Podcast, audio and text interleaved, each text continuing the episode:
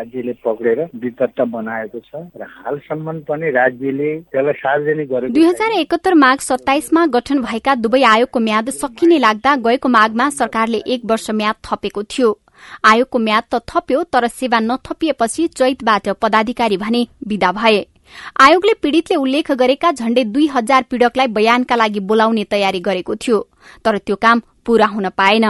बेपत्ता पारिएका व्यक्ति छानबिन आयोगका तत्कालीन सदस्य एवं प्रवक्ता विष्णु पाठक। पीड़कलाई बयान गर्दाखेरि माथिबाटै बयान गर्नु पर्ला सजिलो हुन्छ भन्ने रूपले तयारी पनि गरेको अवस्थामा तिनी कुराहरू बाहिर आइसकेपछि आठ दस दिनमा ऐन परिवर्तन गरेर हामीलाई त्यहाँबाट हटाइएको अवस्था हो। प्रमाण संकलित भइसकेपछि सत्ताबाट कुनै दिन त बाहिर हुन सक्छौ कारवाही पनि गर्न सक्छ भन्ने हैसियतले उनीहरू डराएको देखिन्छ। तर डराउनु पर्ने अवस्था चाहिँ बिल्कुलै किन पनि होइन भन्दाखेरि आयोगले कारवाही गर्ने होइन आयोगले तथ्यहरू संकलन गर्ने हो म निर्दोष छु भनेर प्रमाणित गर्न पाउने अधिकार थियो तर उहाँले त्यहाँसम्म पुग्न आयोगलाई दिइरहेको अवस्था छैन।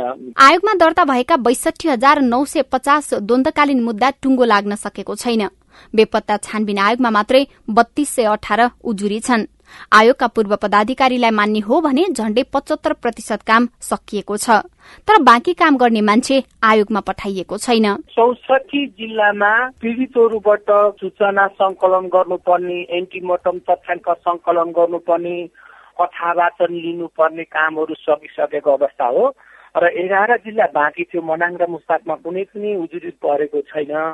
प्रतिनिधिमूलक उत्खनन पनि गर्नुपर्ने भएको कारणले गर्दाखेरि हाम्रो कामको पारालाई भन्नु पर्दाखेरि पचहत्तर प्रतिशत चाहिँ पूर्ण काम सकिएको अवस्था हो। द्वन्दकालीन मुद्दा बिउतिँदा आफू पनि तानिने त्रास तत्कालीन विद्रोही हुँदै हाल नेकपामा रूपान्तरित भएका कतिपय नेतामा पनि छ। संकटकालीन सरकारको नेतृत्व गरेको हालको प्रमुख प्रतिपक्ष कांग्रेसले पनि यो विषयमा चासो दिएको छैन। सेनाको आफ्नै लबिङ छ। नेकपाका नेता भीम रावल सरकार र दलका शीर्ष नेतृत्वको उदासीनताले झन जटिलता निम्त्याउने टिप्पणी गर्नुहुन्छ।